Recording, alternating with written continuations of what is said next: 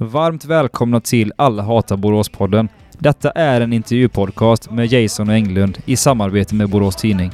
Denna podden går ut på att vi kommer varje onsdag under tio veckor att intervjua en intressant person som har med Borås att göra. Dags för avsnitt 9. Rulla jingeln.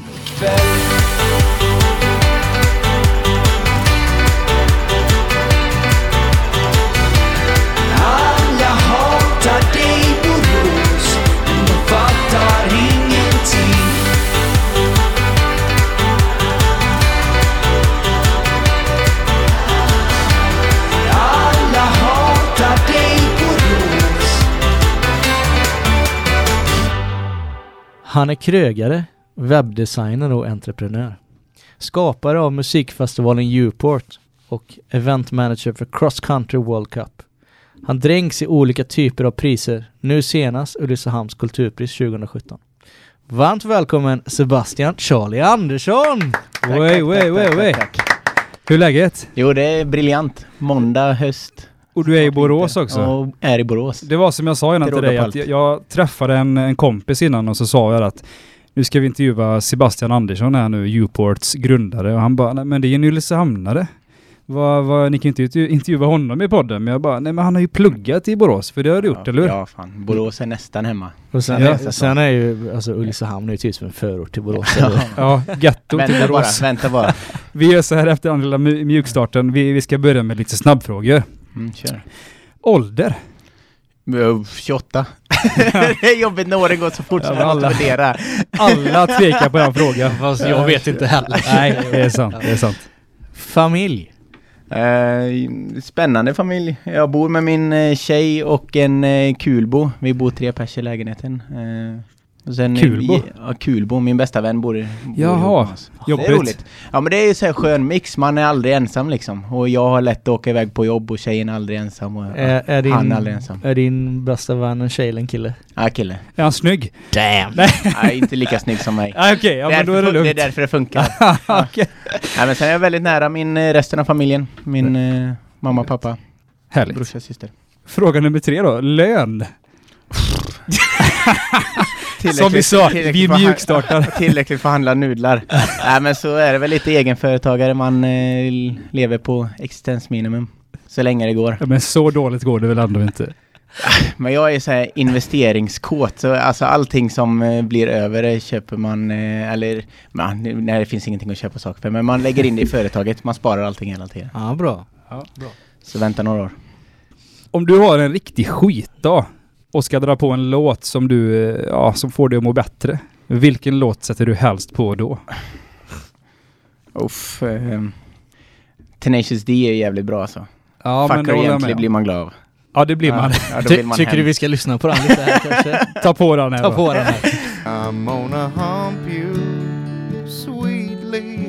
I'm gonna ball you discreetly.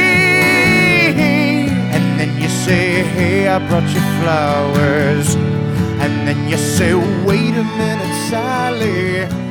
I think I got something in my teeth. Could you get it out for me? Jag har ju annars den här eh, Dr. Alban. Eh, Hello Africa, tell me how you doing.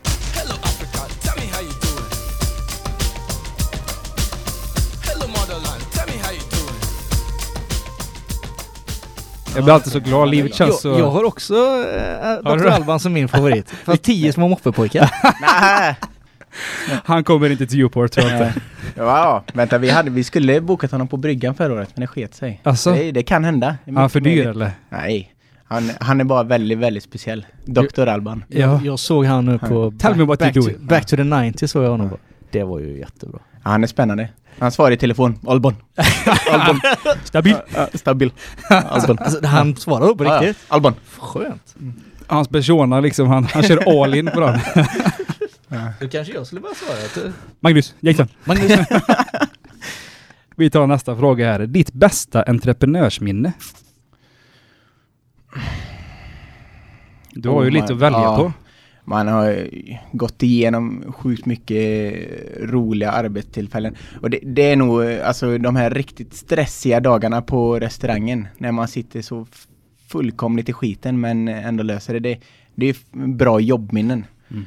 Men sen vann jag, jag vann ju Sjuhärads mest företagsamma person för Grattis. några år sedan här. Grattis. Tack, tack. Och det, det, det är ju ett roligt Mm. entreprenörsminne. Det är klart. Jag, jag tänker på det, blir det lite så här som Hell's Kitchen då liksom? Springer du runt där och bara Åh, scallops! Alltså, eller funkar? Sätter du två brödbitar mot en tjej så och bara What are you? Ja, Jag älskar Hell's Kitchen och hela den grejen. Och man, man, man, jag tror jag är lite så i stress, alltså jag blir, man vill inte stå i vägen för mig. Nej. Samtidigt så är jag också den som, som hugger in och sliter eh, ihop med gänget liksom. Och, Mm. Ja men då Det du, inte du går och Ramsey väldigt lika då. ja. ja men jag är verkligen eh, så skällig och aggressiv när, jag, Är det så? när det blir mycket. Ja. Ja, okej. Det kan man inte tro men Nej. ibland måste man få ut sig de aggressionerna. Dina också. arbetare som lyssnar nu, de vet. Ja, de vet. Vad är då ditt värsta entreprenörsminne? Ja, det är nog första gången man sparkade någon person liksom, eller så när de har misskött sig. Det är, det är ganska jobbigt att sparka en person. Eh, I början var det. Eh, Kan du ge oss en liten audition hur det går till när du sparkar en person? ja, jo, men- jo men det gör vi. Jag, jag, Magnus tar på sparken här nu. Ma- Ma- Magnus kommer ju sent hela tiden till jobbet. Så, ja. Nu knackar han på ditt kontor här. Ja men det var fan, du kan inte... Nu har det hänt tre gånger på en vecka, din jävla respektlösa idiot! Dra härifrån, jag vill aldrig mer se dig! Okej. Ja. Vad är det som har hänt? Nej, nu var det, det var, det var Det ganska var lite snällt, men... Du, ja, Det var rätt hårt Ja, faktiskt. shit. Du, du Ja. du, du ja men det, de sista gångerna, det har verkligen... Nu sparkar jag inte någon i onödan. Eh, även fast man sparkar väldigt mycket människor eh, hela tiden så förtjänar de det och då, då tänder det det sant? till. Ja, man tänder till Men, ganska hårt alltså. Även de som är unga, liksom 15 år, då är det liksom stenhård. Ja, men man får ganska många chanser när man blir, blir sparkad liksom. Man Ja. försöker ju också ha någon form av dialog före. Men, eh, Men vad... men, men med åren som entreprenör så har man lärt sig att värdera sig själv. Man har lärt sig att värdera arbetskollegorna. Och är det någon som inte passar i gänget så de förstör ganska mycket för Mm. hela, eh, hela prylen liksom och för Mm. alla arbetskollegor. Då, då ma- man på något sätt tappar tålamodet. Det är så? Liksom. Ja. Mm. Men vad, vad, vad är det en sån person gör för att få sparken? Är det liksom taskig attityd eller sno pengar i kassan eller Alltså vi har varit med om, allt? om allt. är det så? Ja. Eh, det värsta och, och mest kränkande är väl de gångerna någon faktiskt har stulit eh, pengar Mm. liksom. För ofta man blir ju man blir väldigt bra vän med dem man jobbar med. Det, det är viktigt för mig att vara Mm. kompis med dem som man jobbar med och då blir man ju på något sätt man blir på riktigt kränkt när någon Mm. plockar från en. Det är ju ens polare liksom. Shit alltså. Eh, men sen eh, det kan väl vara att komma eh, full till jobbet några gånger för mycket liksom eller eh, inte komma till jobbet alls eller eh, så. Shit. Restaurangbranschen är ju tyvärr ganska mycket, nu låter det jävligt grovt, men knarkare och, och alkoholister och, Mm. och det mm, lär man väl sig också hitta en balans Jag kan tänka liksom. mig att du lär dig en del om, om människor. Ja, på både gott och ont. Sebastian, ditt Nej. bästa Uport-minne? Oj, det är lätt. Det är väldigt lätt. Eh, det är från första året, garanterat. Eh, när man står där framför mitt absoluta favoritband Teddy Bears. Eh, Mm. Man känner att fan vad vi har, vi har lyckats liksom. Vi har tagit oss igenom det här året. Jag vet inte hur vi tog oss igenom det. Jag vet inte hur vi löste allting. Men här står vi liksom Mm. och sista akten är på scen. Eh, och man står liksom ihop med, med framförallt farsan då liksom som Ja, har haft som stöttepelare hela tiden och bara man känner att den här stressen och pressen släpper. Det är, det är väl mäktigt. Vilken artist under Uport har haft den sjukaste riden? Ska du förklara för lyssnarna vad en rider är om man inte har eh, En hört det? rider. Hört det? Eh, som bekant så har ju artister ganska mycket krav. Mm. Det är den här kravlistan som Mm. kallas en rider. Eh, vi har faktiskt inte haft så knepiga riders. Ljug. Eh, ljug. ja men eh, jag tycker ju Björnstammens den är ganska så här. Det är roligt om vill ha IKEA-kassar i, i med på riden liksom för att de ska kunna tömma sin loge efter, efter eh, gigget liksom på allting som är där. Smart, Eh, ja. smart. Så de har två IKEA-kassar med. Och sen är logen rensad. Jag har också sett Björnstammen live och man kan ju förstå att de också vill rensa i sin loge efter spelning. Herre jösses. eh, Jösses ja. Ingen boaorm. Nej, ingen boaorm än. Nej. Inte än. Ingen sån här schweiziska chokladnötter eller så Vi, vi gillar ju det här med ridrar och utmaningar så vi brukar ofta utmana oss själva med att och liksom hitta saker som artisterna går igång på. Så de ska komma Eh, ihåg lite att det där ja, fick vi på Uport. dra ett exempel liksom i eh, Ja, Mustasch, de har en rolig pryl. De ska ha en signerad affisch av Eddie Meduza eh, i, i logen. Okej. Den är skev. Alltså, Den- den är bra. Ja, gräv upp Eddie. Men det har vi, vi har alltid levererat en, en, eh, snygg pryl liksom. Vi tryckte en stor, eh, en gång en enmeters tavla på plåt första året och gjorde någon Mm. mm. selfie-tavla i år. Och Snyggt. så. Mm. E-Type vet vi det året han var där så hade han precis blivit eh, biten av en grävling så då shoppade vi en uppstoppad grävling och ställde in i logen och sånt. Det är roligt att jävlas lite också. Ja men det är klockrent. Mm. Ehm, det här kanske du redan har svarat på, men vilken artist eh, är du mest stolt över att ha lyckats boka?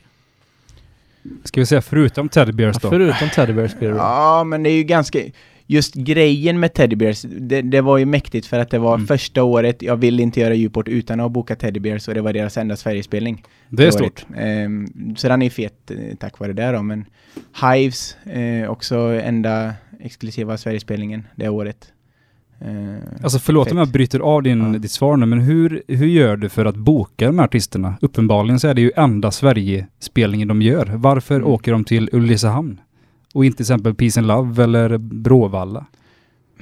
Ja men vi, vi, har, vi har hela tiden jobbat ganska hårt med att, jag ska inte säga skämma bort eh, artisterna, men vi har behandlat artisterna som vi själva hade blivit, eh, Mm. velat bli behandlade. Mm. Eh, och deras bokare. Och någonstans under resans gång då så har vi fått eh, sjukt bra kon- kontakt liksom med bokarna och mer eller mindre polare idag liksom och ringer varandra dagligen. Så Mm. då blir det att man bollar idéer fram och tillbaka liksom och till slut så klaffar det bara. Ja. Eh, det handlar ju om att det ska, att det ska, att det ska tajma rätt. Mm. Ja, det, det, Så- det där är ju ingenting man- nytt. Jag vet, det, det sa man ju i antikens Grekland att man hellre gör affärer med dem man tycker om. Så att, Ja, eh, jo, men så är det. Och det. Nu är det ju roligt att boka artister på, på ett annat sätt. Första två, tre åren, jag sa det till dig förut Adam, Mm. före vi började spela in att artistbranschen eller festivalbranschen är jävla rävspel alltså. Mm. Och jag vet var de två månaderna vi bokade artister förut var, var jag var så sleten i skallen liksom varenda dag. Men, men nu är det roligt liksom. Nu, Mm. Nu gör man det i farten. Mm. Eh, över, över en bärs eller Fernet. Nej, det är klart det måste bli lite enklare nu när du har det fulla det. kontaktnätet. Ja. Och, och de ser också kanske De vad produkten har varit. Ja. Jag behöver inte sälja in Newport i förväg liksom. Nej. Vi, vi går tillbaka lite då till frågan där. Eh, Vilken är du mest stolt över att ha bokat? Ja, just det. Eh, Vi, vi, vi hoppar lite, vi gör så här i podden vet du. mm. Ja men säg eh, Hives då. Hives. Om jag inte fick säga Teddy Bears. I ditt jobb som krögare, vilken typ av människa hatar du att träffa på där? Andra restaurangmänniskor som, eh, som eh, tror att de är inne i branschen. Är det så? Ja. Är de lite Det- spydiga eller? Nya restaurangare som, Mm. eh, som eh, har stått i baren ett halvår och tror att de är bartender för att man Mm. har gått en barskola på Ibiza och ja, ska läxa upp en på fyllan.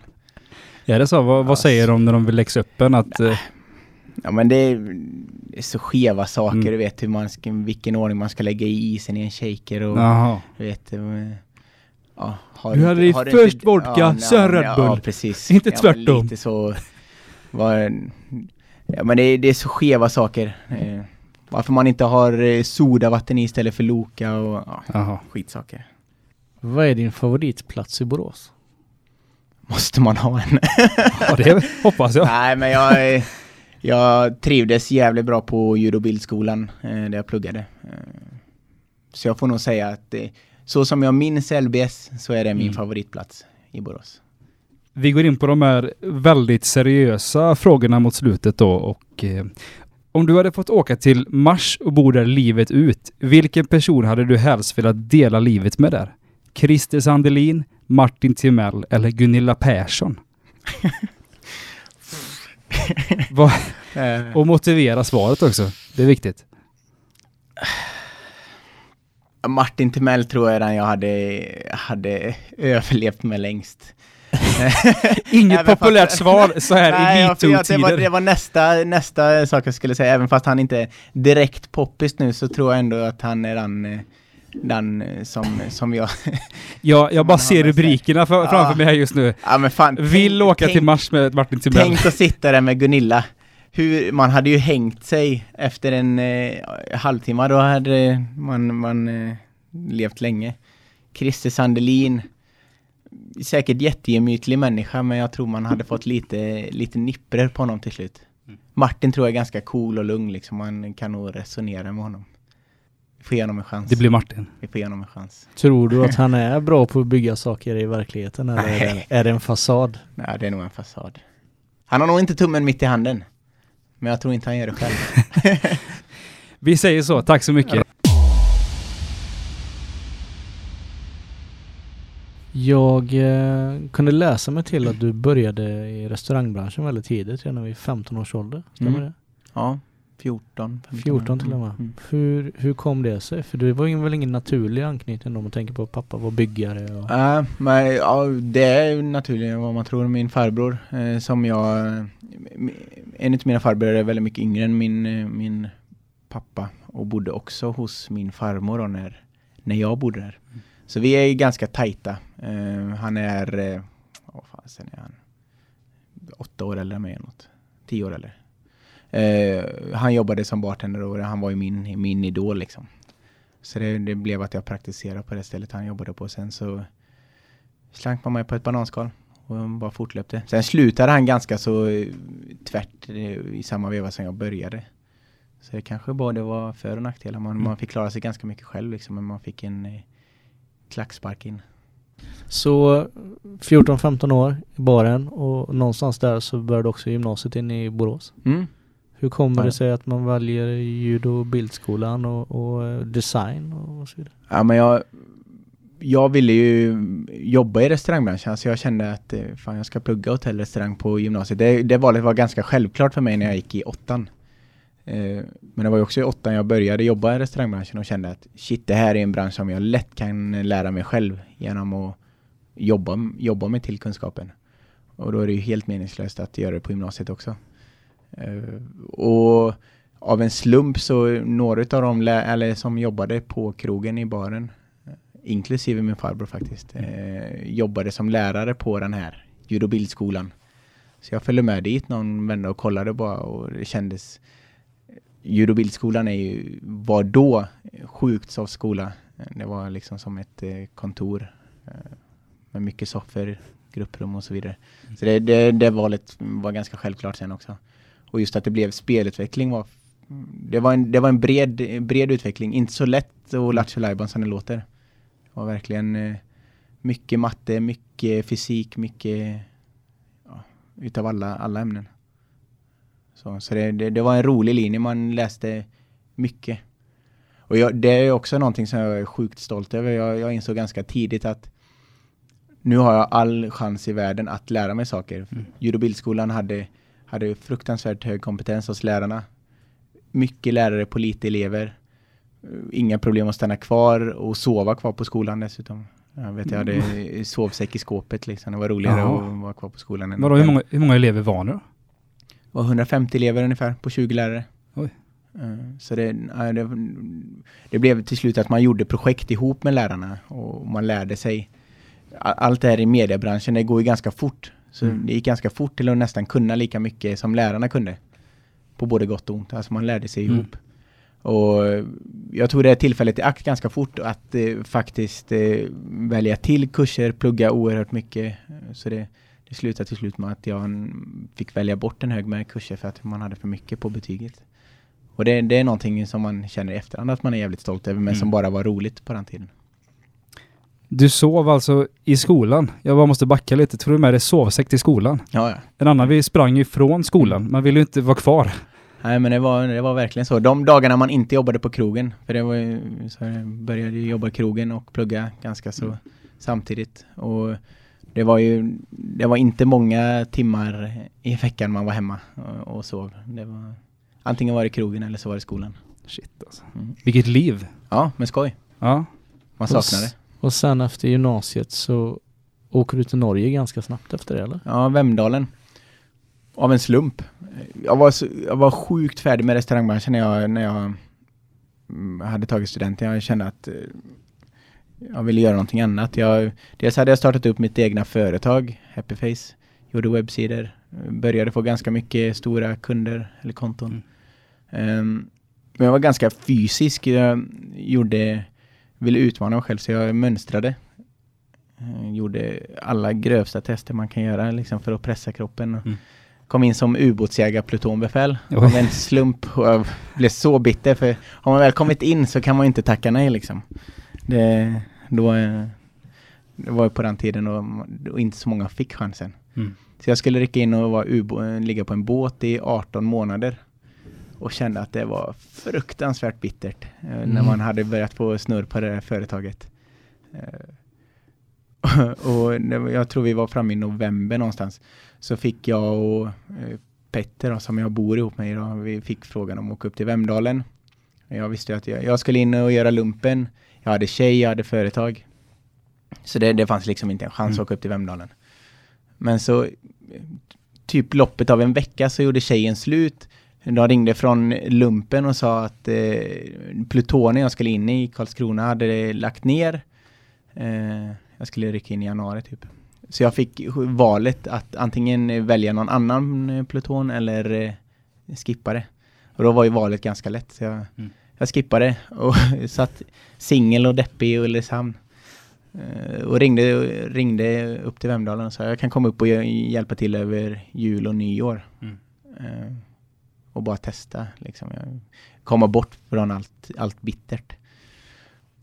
så gick det, kom upp och ganska så direkt efter jag kom upp så fick min kollega, hon blev sjuk. Eh, så jag fick ta ganska mycket mer ansvar än vad jag räknat med. Blev kvar i fem år. Shit, Mm. alltså. Det var ju som du och jag snackade lite innan de här, det här med säsongsfolk. Mm. De blir ju som att de är ju helt egna människor. De lever ju helt egna liv. Jag har lite kompisar som, som är det nu. Blev du en, en sån typ av människa också som på något sätt, ja men jag kan ta ett exempel, man dricker ju på måndagar Mm. för det är restaurangfolkets dag och, och de här säsongernas dag och sådär. Jo, men äh, både och. Alltså när jag åkte upp till fjällen, det som, må- många brukar åka upp och säsonga eller åka iväg och säsonga direkt efter studenten för att de vill göra någonting annat. Jag hade kört krogbranschen i ja, fyra, fem år redan och var ganska trött på det och vill ju inte säsonga egentligen. Men det är klart, det, eller jag hade ju det där livet redan lite. Jag hade de vännerna. Jag hade inte några normala vänner direkt. Alla var krogmänniskor. Eh, men, men Vemdalen, ja det, det, det är ett bisarrt liv liksom. Man jobbar, jobbar super och skidor. Men sen hade jag ju min trygghet. Jag hade ju kvar Happyface fortfarande. Och gjorde ju webbsidor. Så jag, när jag inte jobbade i baren, eh, vilket var väldigt sällan, så satt jag och programmerade webbsidor. Vilket var, ja det var en intensiv period. ja, jag kan tänka mig det. Eh, men sen så tröttnar du på det livet och åker hem igen till Ulricehamn. Mm. Hur kommer det Eh, sig att du ville ändå eh, vända hem sen då till Ulricehamn? Ja, men jag eh, flyttade till, jag träffade tjejer där uppe, flytt, flyttade till Sveg. Mhm. Sveg är verkligen byn som Gud glömde och sa Jag har varit där en gång. Ja. Jag tänkte säga det, Sveg. Det är inte dåligt att ni har varit där ändå. Jag har bott där en natt faktiskt. Oj, på mysen. Ja, Mysoxen. Ja, det kan nog, ja, så heter det nog till och med. Det var fint så, men det är ingenting jag åker tillbaka till. Men eh, Nej, men, men Sveg, det är, i efterhand så är det ju en mysig by. Men när man är mitt i det och det inte finns så jävla mycket så tänker man shit vad bittert. ja. Eh, ja, och jag flyttade dit eh, till tjejen då, på, på en promiss att vi skulle flytta ner söderöver ganska så fort. Mm. Men hon var Norrlandskär och vi flyttade till Östersund, vilket är 20 mil till uppåt i landet.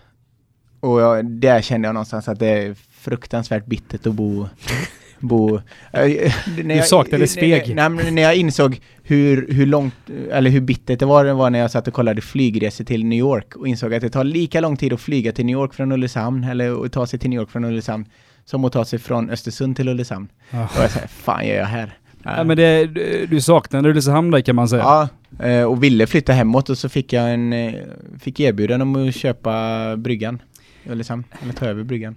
Och hur gammal var du då? 22. Det här är så sjukt. Så du var 22 år när du blev krögare. Mm. Skulle du säga Men- att det är ganska ungt?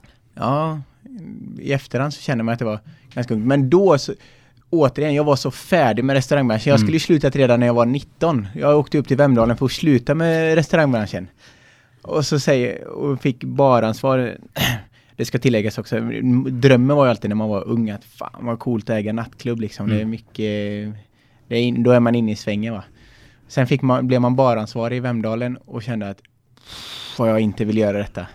Även fast det var, det var roligt men det var slitsamt och det är mycket press. Eh, Jag tyckte, det var, jag tyckte det var så roligt när du berättade innan de här nya restaurang, de som har gått någon, ah, någon eh, bartenderutbildning på Ibiza i en vecka och, och jobbat bara en halvår. Mm. För det är precis vad jag har gjort nämligen. Ja, Skönt. Du du är en sån som kommer och läxar upp en i baren. Mange, Mange stod i sån här godishalsband förr i tiden och i Superman-linne. Ja. Eh, det var...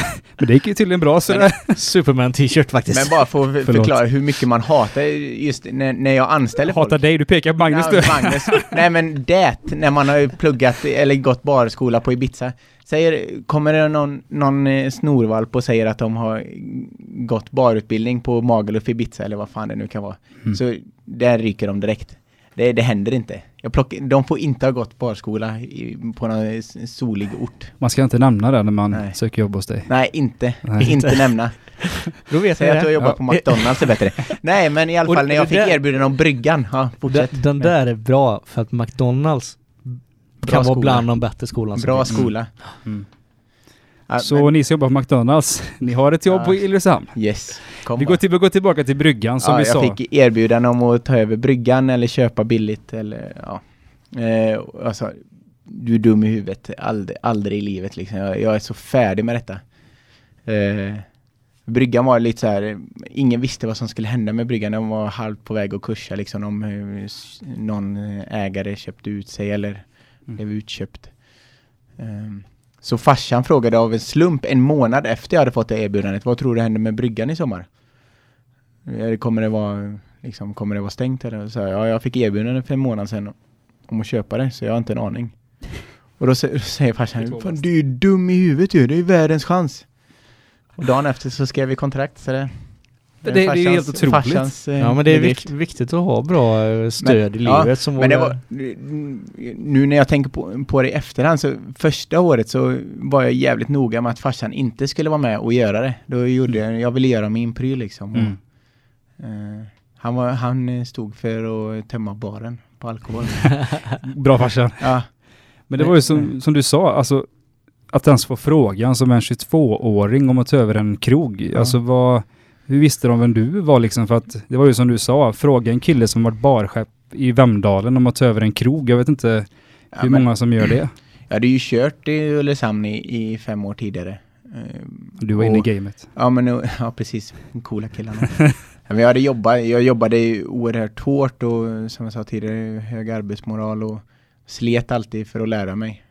Och det, anledningen till att jag fick frågan var ju han, han som ägde krogen jag började jobba på, eh, Tony. Det var han som fick frågan om bryggan till att börja med. Mm. Eh, men han ville inte driva det utan att driva det ihop med någon som, eh, som var driva, drivande i det. Mm. Eh, Så jag fick frågan till honom och det var ju smickrande. Mm.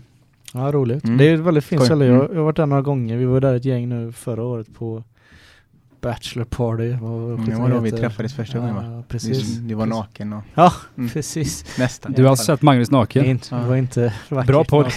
Bra podd. Eh, nej men bra ställe Mm. och just att man Tack. kan eh, utnyttja både relax och äta och det här tyckte jag var Ja. bra. Mm. Ja, det är mysigt. Det är, vi är bortskämda med läget. säga. Är det lika kul idag som det var för eh, när du var 22 år? Det är roligt på ett annat sätt. Ja. Då så, om man, om man tycker att det var slitigt att vara barchef Mm. så ska man inte skaffa krog. Är det så? det var verkligen, alltså tryckte ju de första åren så låg jag runt 500 timmar aktivt i månaden liksom jobb. Herregud. och eh, aktivt serverande liksom. Och Då, det, det är mycket slit med det. Eh, Men idag, och, och då, då fokuserar man ju så mycket på att få nöjda gäster och få, få allting att funka. Det, det viktiga var bara att få ut maten och få Mm. ut drickat och strukturen. Och vi by, har byggt om bryggan ganska mycket. Från början var det café och man, man effektiviserade allting under de första åren. Nu handlar det mer om att, att effektivisera företaget och människorna som jobbar med det. Och ut, alltså jag försöker lära mig mer att delegera och eh, jobba som ett team i det. Jag tycker ändå Mm. det är lite roligt alla ungar ute som lyssnar att ja, vad som krävs. Ja, jobba Mm. ungefär 320 timmar mer än vad ni är vana vid i Mm. månaden. Så någonstans där. Nej, Jag tror inte det är många som... Sen, sen så är det, det är ju 340. Ja, men det är ju jävla skillnad på att göra någonting för sig själv gentemot för någon annan. Jag har ju aldrig, aldrig räknat pengar eller räknat timmar för att tjäna pengar. Det, det vet man ju att man kanske gör ofta annars. Ja, nu har jag jobbat 12 timmar idag. Fan, nu jag blir rik. I slutet av månaden kommer Ja. lönen. Så tänker man inte som företagare riktigt. Du har aldrig varit Nej. hemma i sängen och kastat så sedlar och sånt? Nej, Nej, Nej. inte direkt. inte direkt. Nej. Men jag, jag tänker på det, du är så... Du säger ju själv, du vill ju sköta allt själv från Mm. ax till limpa. Mm. Kan det inte bli lite, som, lite rörigt ibland så att det nästan blir lite yr? Jo, absolut. Det är gånger man springer in i de träsken också. Ja. Men jag är sjukt nog att inte lämna ifrån mig saker som jag inte kan själv. Det är Nej. sjukt svårt att delegera en arbetsuppgift eller ge bort ett arbete som man inte vet vad det handlar om. Eh, Det, då, då vet man inte vad man kan förvänta sig av personalen heller. Mm. Med det sagt också att jag har ganska höga krav och höga förväntningar på min personal för jag Mm. vet vad jag kan leverera själv och vad jag faktiskt har levererat själv till, till mina tidigare chefer. Så det, det är ju både på gott och ont Mm. också. För, för anledningen till att jag ställer den här frågan lite också är att eh, Ja men det var som du sa, du sköter ju allt från att boka band och DJs till bryggan till att eh, stå i baren och du har smsat mig några gånger vet jag. Mm. vet du vad det handlat om då? Kommer du ihåg det? ja, ja, men vi har, Jag, jag kan berätta att alla fyra sms som du har skickat har varit så här att vi har fått en inställd trubadur ikväll. Kan du spela ikväll? Sista minuten Adam. Ja, och det sjuka är att då, då har jag alltid skrivit så här, att tyvärr jag kan inte för att jag har haft förhinder. Och då har jag skrivit så här, jag förstår, men jag hör av mig nästa vecka och då bokar vi en riktig tid åt dig. Du har aldrig hört av dig sen. Ja, men det, det, det kan ju också vara en sanning med modifikation. Jag ofta glömmer jag bokar. Ja, Ja, så det, det jag trodde vara- väl att Så, så Adam, Så du det- är det inte är inte- sista minuten Adam. Det är ett sånt mass-sms jag drar ut. Dr. Alban får också sådana sms. Alba. Ja, jag förstår det, jag förstår det. Ja, ehm, men vi går vidare. Eh, vi går vidare till Djurport och vi är väldigt intresserade. Hur startade det egentligen? Satt du hemma och tänkte att nu, nu ska jag skapa en festival? Ja, men nu när vi ändå är inne på första sommaren, första året man drev bryggan och eh, för, Första året jag drev bryggan så fick jag dessutom en, en ögonsjukdom, eller jag, jag blev eh, Jag blev sjuk utav någonting. Jaha. Efterhand har jag fått reda på vad jag kommer till det. Men jag blödde ur ögonen, alltså det fanns inte en vit fläck i ögonen. Jag såg, ut som, jag såg ut som djävulen själv och det bara varade och det var äckligt och, och och jag mådde så fruktansvärt dåligt över att trycka de- det här antalet timmar, försöka servera gästerna och gästerna Samtidigt som Ja, du de, blödde de ögonen. backar fem steg när man välkomnar dem liksom. det, det, det var så skevt. De trodde ni hade Eh, halloween varje kväll. Ja, Så du såg inte mitt namn när du smsade mig Nej. också? Du, Nej, ja, men, och det var så likvärdigt. Jag kommer ihåg, det var- stod en liten tjej, hon var kanske varit fem år eller någonting. Så ryckte hon sin mamma i armen. Mamma, mamma, kolla ett spöke. Nej. Det är då man känner att äh, fan, kanske ska tagga ner lite. Nej men, eh, det visade sig att det var en, en sak jag var allergisk över sen. Eh, ja, så så det, nu, nu är det över. Vad var det Men- du var aller- allergisk mot? något medel i heltäckningsmattor och vi la in en, en barmatta. Och jag Jaha. levde ju i den där baren så jag hade ju det där medlet i ögonen hela tiden. Oh, Så nu när jag, det låter som en sån rolig pryl, men när jag åker Finlandsfärja eller buss till Hemsedal när man dessutom super ganska mycket så ser jag, jag blir rögd. För det är heltäckningsmattor överallt på de här Finlandsfärjorna.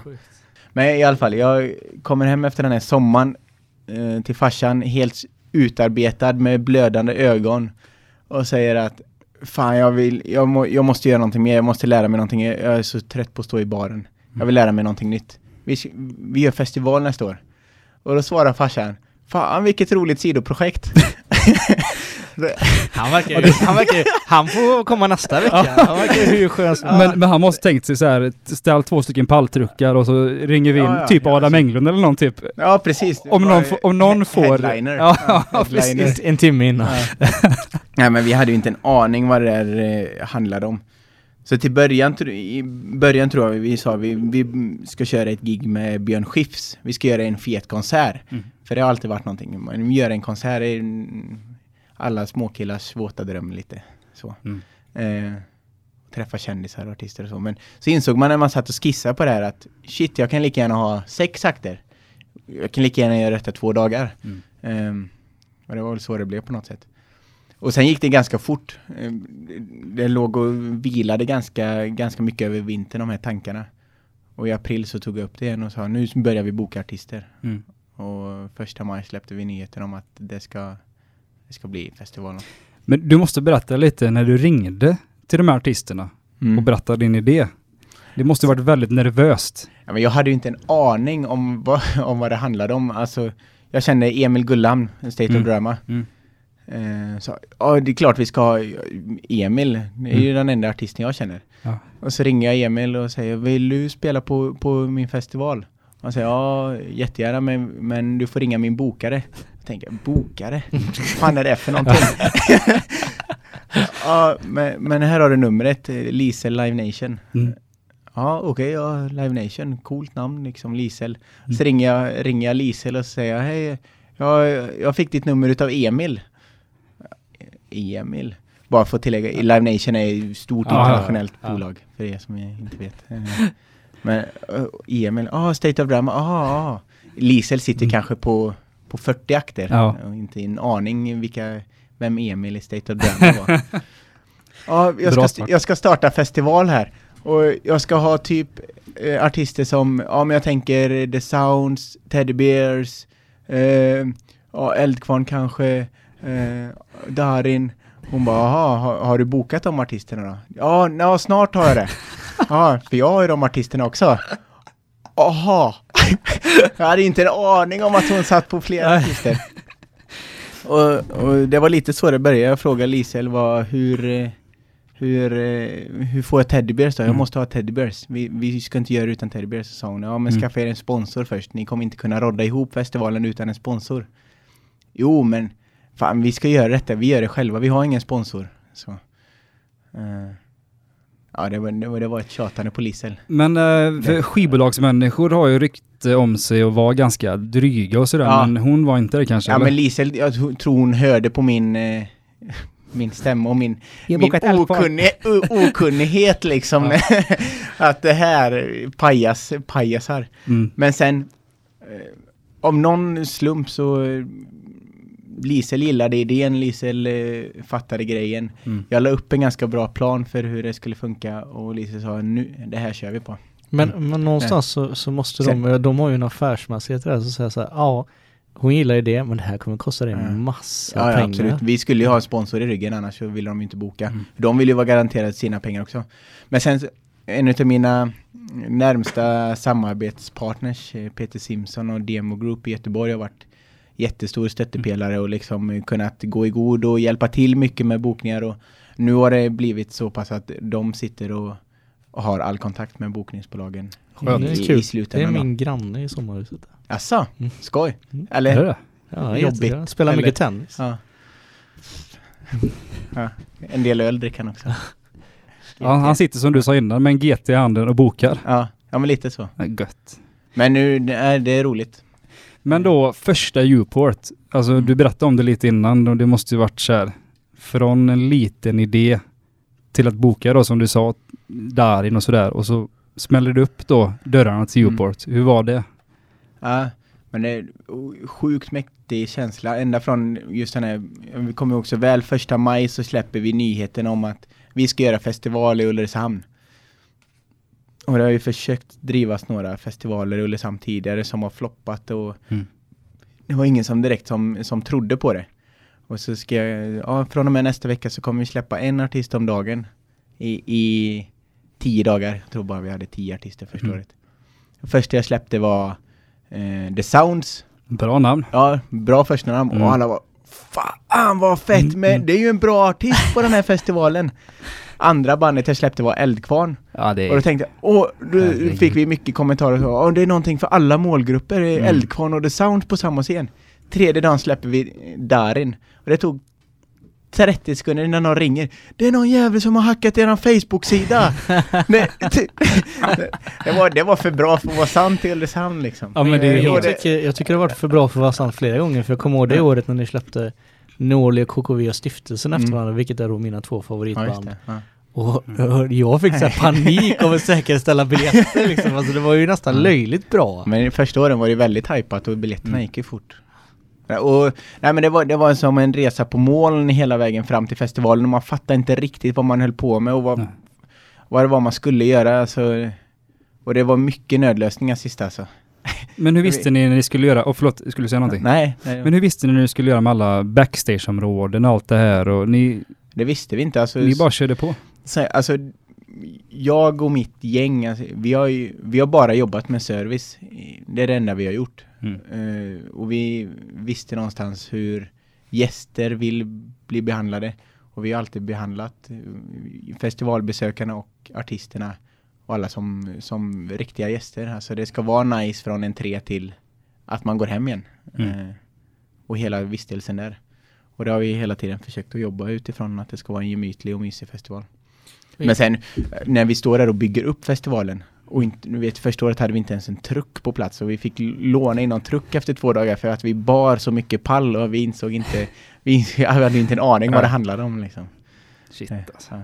Men jag, jag är fortfarande nyfiken på det här. Alltså, man måste ju då få in pengar för att kunna säkerställa den här festivalen. Mm. Vad gör du då? Ringer du? Hej, det är Sebastian, jag behöver pengar, jag ska ha en festival. Nej, vi har aldrig jobbat så. Vi har ju aldrig tiggt pengar och kommer aldrig göra. Nej, jag tänker inte tigga pengar utan som, som Nej, men- sponsring för branding och för varumärket. Men vi aldrig, jag tror aldrig det har hänt. Ja, någon enstaka gång kanske för att vi har fått typ 20-25 tusen till något företag för att de ska synas. Men vi har aldrig jobbat med sponsorer på det sättet. Eh, Du får nog pengar till en festival då? jobbar. Alltså vi, eh, vi insåg ju ganska tidigt att vi, vi vill göra detta länge.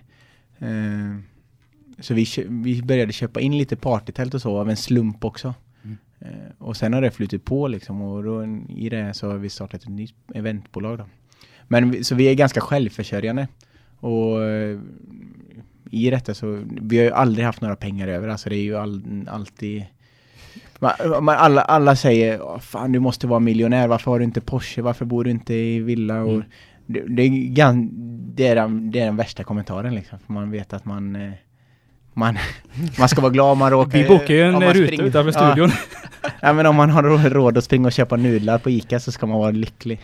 Så, så pass är det. Och det, det eh, alltid varit en grej att vi, Mm. vi ska inte gå plus minus noll. Eller vi ska inte, vi ska gå plus minus noll. Vi ska aldrig tjäna pengar på det. Och det tror jag är någonting som vi har vunnit på i längden också. Att det, Mm. Vi har försökt göra det så bra för besökarna som möjligt i alla lägen. Men Mm. då vet vi, för något år sedan här så blev det ju rätt stora eh, skulder på festivalen. Mm. Och var det nära att du sen, nej vi skiter i det här. Ja, det, men eh, det var ju förra året som jag sa förut då, som jag, eller för två år sedan, då, då mådde jag riktigt dåligt efter det året. Och då kände jag nu skiter jag i allt. Eh, och då, då, hade det, då hade man gett upp det. Det är enda gången jag gråter som vuxen, vuxen kille. Ja. ja, men eh, vi gjorde, det blev lite så här. Det som är svårast nu i efterhand, eller som man blir ju kåt på sig själv lite. Man vill ju hela tiden accelerera, man vill göra bättre saker, fetare saker. Mm. Vi köpte in ett tvåvåningstält och det var lite det som bröt ihop oss. Eh, när, när vi fick till det tvåvåningstältet då kände jag nu klappar det ihop. Nu, nu har vi tagit oss vatten över huvudet liksom. Mm. Och, eh, fått lite för, för stora stövlar. Eh, så det, det är farligt att, eh, att man, eh, vad sätter man, säger man, sitter på för hög häst. Mm. Det, och, ja, det är svårt att inte hamna där. Mm. Men det är skönt att vara tillbaka på marken igen. Men nu är det officiellt att det blir ett Uport Mm. även till sommaren. Absolut. Och vad är dina, vad är dina tankar kring bokningarna här? Har du dem redan klara i ditt huvud? Eh, Kan du ja, droppa relativt. dem? eh, Kan du Ja, droppa vi kör, någon? Nu kör vi! Ja. Men du kan droppa en artist i alla fall. Nej. Nej. Vi Till, ska tittarna, hålla... till tittarna kan vi också säga att han la nu händerna, eller armarna i kors. Ja. Men jag, jag kan säga så här i alla fall att eh, jag kommer att spela. Ja.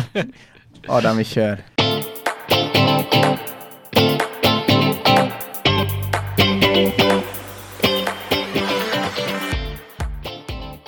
Ehm, vi pratade lite om det här med, med eh, partyhyra som har blivit ett bolag i bolaget kan man väl säga. Det är ju ett eget Mm. bolag. Mm. Och det kom sig av uh, Uport. Ja. Vill du berätta lite mer om just uh, partyhyra? För det tar du ut i hela Sverige nu. Ja. men återigen alltså stor kontrollfreak, eller jag är. Eh, vill alltid kunna allting före man släpper ifrån sig det. Och samma sak med infrastrukturen med tält och sånt. Vi skulle, vi skulle kunna göra det själva på Djuport före vi släppte ifrån oss det. Eh, så vi, vi köpte in mycket prylar, vi såg till att vara självförsörjande. Insåg ganska fort att fan vi är duktiga på det här. Vi, vi kan det här med att driva festival. Vi eh, duktiga på att se hur ett festivalområde ska se ut. Eh, jag tror att vi kan hjälpa andra festivaler eller andra arrangörer att göra detta och således få mer användning av våra prylar. Så eh, partyhyra Har från att vara popcornmaskiner, hoppborgar och kalastält. Eh, gått ut i Sverige och blivit större. Och det, det är roligt. Men nu byggde vi eh, delar utav Summerburst i somras. eh, EU-toppmötet nu för någon vecka sedan. Så det, det känns lite fjantigt att stå på EU-toppmötet och säga jag heter Partyhyra. Brett. Ja. Hello, my name is Party. En annan från söder. Ja. Alltså det, nej, det är jävligt roligt. Man får eh, sjukt mycket inputs. Man, man ser eh, mycket andra arrangörer jobbar och man får mycket kontakter på ett, eh, på ett eh, häftigt sätt. Sen, eh, Kul. Vilken resa där också. Ja, det är roligt. Sen så är det också verkligen det jag jobbat med där det är störst press. Att göra saker åt, jag har alltid gjort saker för mig själv och då har man bara sig själv att skylla om det går i stöpet. Men här är det någon arrangör eller någon som sätter press på, på oss att det ska levereras toppkvalitet. Mm. Och det är roligt. Att, Det är, det är ändå roligt där att många saker i ditt liv har kommit av, ganska naturligt av någonting annat. mm, Vilket då leder mig till eftersom du inte har någonting annat att göra i livet så Mm. har du tagit på dig ett litet uppdrag till. ja. Eh, Vill du berätta lite om det? är det, Då tänker jag på skicrossen. Världscupen ja. Mm. Ja, eh, det var också när jag, när jag hörde det här, eller jag kommer inte ihåg, jag läste i tidningen eller de sa på radion att, att Ulricehamn har fått världscupen i skidor. Och jag har ju, i och med att jag har bott uppe i Östersund och så, så har jag ju sett vilka sjuka kalas det här är när det är världscup och när det är VM och sånt. Så jag, det första jag gjorde var att ringa till Jönköping, eller jag ringde till hotellet i Ulricehamn, jag vill boka alla hotellrum. Så, nej, de är redan, de är redan bokade. Jag ring, började ringa runt till Borås och jag vill boka alla hotellrum. För jag Ja. visste att det, jag skulle kunna hyra ut de här hotellrummen. Mm. Eh, Företagsamt. Då Herregud. var allt, eh, allting bokat. Så jag ringer Jönköping, jag vill boka hotellrum. Och där fick jag hotellrum. Eh, Bara får man göra så? Att du hyr hotellrum ja, och så Nej. hyr du ut. ja. Ja. eh, Vilken Varför grej. inte? Kanske man skulle göra. Ja, men jag tänkte Bara att jag skulle där. boka grupper, också ihop med Peter Simson då. Han är ju Ja. ganska inne i den här världscupsvängen. Vi skulle boka grupper och, och skeppa dit. Så sen ganska direkt efter ringer jag eh, världscups, eller Johan Falk som eh, då, eh, hade, han var en av dem som var sökande i detta, eller ansvarig för det. Inte poliskommissarie. Nej, Nej, En ja. annan. Vad fan? Ja, du, vad fan. Det roliga är att hans fru heter Lisa, så det blir kodnamn Lisa. Ja. Bra Nej. sidospår. Ja, bra sidospår. Nej men så säger jag, jag vi är jättegärna med på det tåget. Vi håller, vi, vi håller redan på att boka grupper från Norge för att komma hit och kolla. Uh, men det, det var ju det jag och Peter skulle göra. Vi skulle boka grupper från Norge för att kolla, kolla in världscupen. Uh, och så sa jag, vi har mycket tält och sånt. Vi, vi är gärna med och räknar på det och kollar. Sen så fick jag frågan eh, några månader senare, det låg på is liksom innan någon visste vad det egentligen skulle handla om. Så, så fick jag frågan om att bli eventansvarig. Eh, det var ju... Visste inte alls vad det handlade om att bli eventansvarig. Men det, det, det var ett roligt projekt. Mm. Också ett av de roligaste men tyngsta projekten jag Mäktigt. har roddat i. Ja. Samma sak där, att leverera åt någon annan. Mm. Och helt plötsligt vara var, var anställd eller var, jobba under någon annans namn eller radar. är ju, det, det är stort är det. Mm. Och ett väldigt lyckat projekt. Ja. Jag är ju... Ja, det Ulricehamn, eh, det, det märks stor eh, hög stolthet i Ulricehamn över världscupen och Mm. med all rätt. Alltså det är ett mäktigt event. Kommer bli mäktigare. Mm. Jag tror bara det är början. Men du, ja shit, du får ju alla de här eventen. Det är ju otroligt. Eh, Alltså, när du går på gatorna i Ulricehamn, eh, liksom får du ryggdunkningar och folk som stannar. Sebastian! Ja, inte längre Ja, jo, det är klart, det, jo, det händer någon gång varje dag, gör det. Det är så? Men, men eh, det är ganska... Det har aldrig hänt mig och Adam i våra liv. Det här har bara hänt det en gång idag. ja, ja, precis. Ja. Men är det också- selfies och... Ja, det händer också. Är det sant? Ja, det, det, det, det känns skevt, gör det. det. Det roligaste är de här åren när det är studentkampen och sånt och de ska hämta någon kändis och de kidnappar den liksom för att man ska för att man ska agera kändis på skolan. Och när de tatuerar in ens namn och sånt för att de ska tatuera in en kändisnamn och, eller man ska tatuera dem och det är... Det, Vad har, inte, har, de, det- har de tatuerat Sebastian Nej, Andersson? vänta, jag har fått tatuera dem. Det inga- ja, det- med ditt namn då, ja, eller? Ja. Det, så det, det är ju roligt. Det jobbiga du heter likadant som en fotbollsspelare i Norrköping. Ja, jo jag vet. Du vet det? Ja. Jobbigt. Googlar man Sebastian Andersson så kommer han fram. Fan också. Ja, vi, vi hade ju massa info här om Norrköping, men vi, vi skrotar Så det. du gillar inte Norrköpings fotbollslag? Nej. Ja, men det jag skulle komma till, jag gillar egentligen inte den här uppmärksamheten. Jag, jag sa det till Adam före vi började sända här också att för mig är ju Djuport och allt det här, det är ett, jobb och vi, vi gör det som, som allting annat och det är ångest i det, det är lycka i det, det är glädje i det. Mm. Men ja, det, det, det är alla känslor som man har på ett vanligt jobb. Så det känns skevt bara att, att andra människor eh, uppskattar det så pass mycket och man någonstans så det som är skönast idag här är negativ feedback. För då har man Mm. någonting att jobba med. Man vet inte liksom så här. Skulle du, skulle du ehm, beskriva dig själv som en tillbakadragen person eller en väldigt social person? Jag tänker backa Ja. den här frågan med att du har 3300 Facebook-vänner. Kommer jag in i ett rum så, så syns jag. Eller hö- hörs jag om man Mm. kommer in sent på en fest. Men eh, samtidigt så är jag inte den som gillar att ta plats. Eller jo, fan det är jag. det, det, jag, gillar, att- jag gillar att synas och höras. Men jag gillar också att ligga ensam hemma på soffan. Mm. Det, är inte, jag, det är inte häftigt att gå ut på krogen i Ulricehamn liksom. Det, Nej. Vi går tillbaka lite till Newport igen. Mm. Eh, Som du vet, jag är ju oerhört musikintresserad. Och även Magnus. Och eh, ja, du har haft väldigt mycket stora artister som sagt genom åren på Newport. Och vi är lite nyfikna på om eh, de här artisterna Ja men om du har upplevt en bra anekdot eh, kring de här artisterna, om det har hänt något kul. Så att vi tänkte bara rabbla upp lite namn som du har haft på Newport och så kan Mm. väl du bara säga några ord, kanske dra någon anekdot om den här artisten eller, Okej, eller liknande. Första namnet då, Magnus Uggla. Rövhål. Är det sant? Ja, nej, men det är första, och vi har haft Magnus Uggla två, två gånger. Ja. Eh, och första gången, han var alltså största rövhålet vi har, jag någonsin har träffat. Alltså, Är det sant? och det sa jag två år efter att han hade varit på Uport, att det, jag kommer aldrig träffa en människa som är sån dick liksom, som Magnus.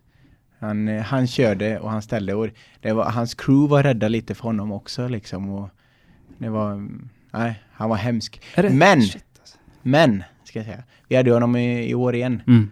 Eh, och det är verkligen så här. Det här bevisar hur mycket rävspel det är i, i eventbranschen och i festivalbranschen. Han, allting han gjorde första året han var här var ju för att testa oss. Alltså de, Mm. de testar allting hela tiden. Vet de, märker de att allting funkar före eh, liksom med mat och eh, att de, deras tandborstar hämtas i tid och att de får det vinet de vill ha. Det är ju lite anledning, äh, grej med riden också.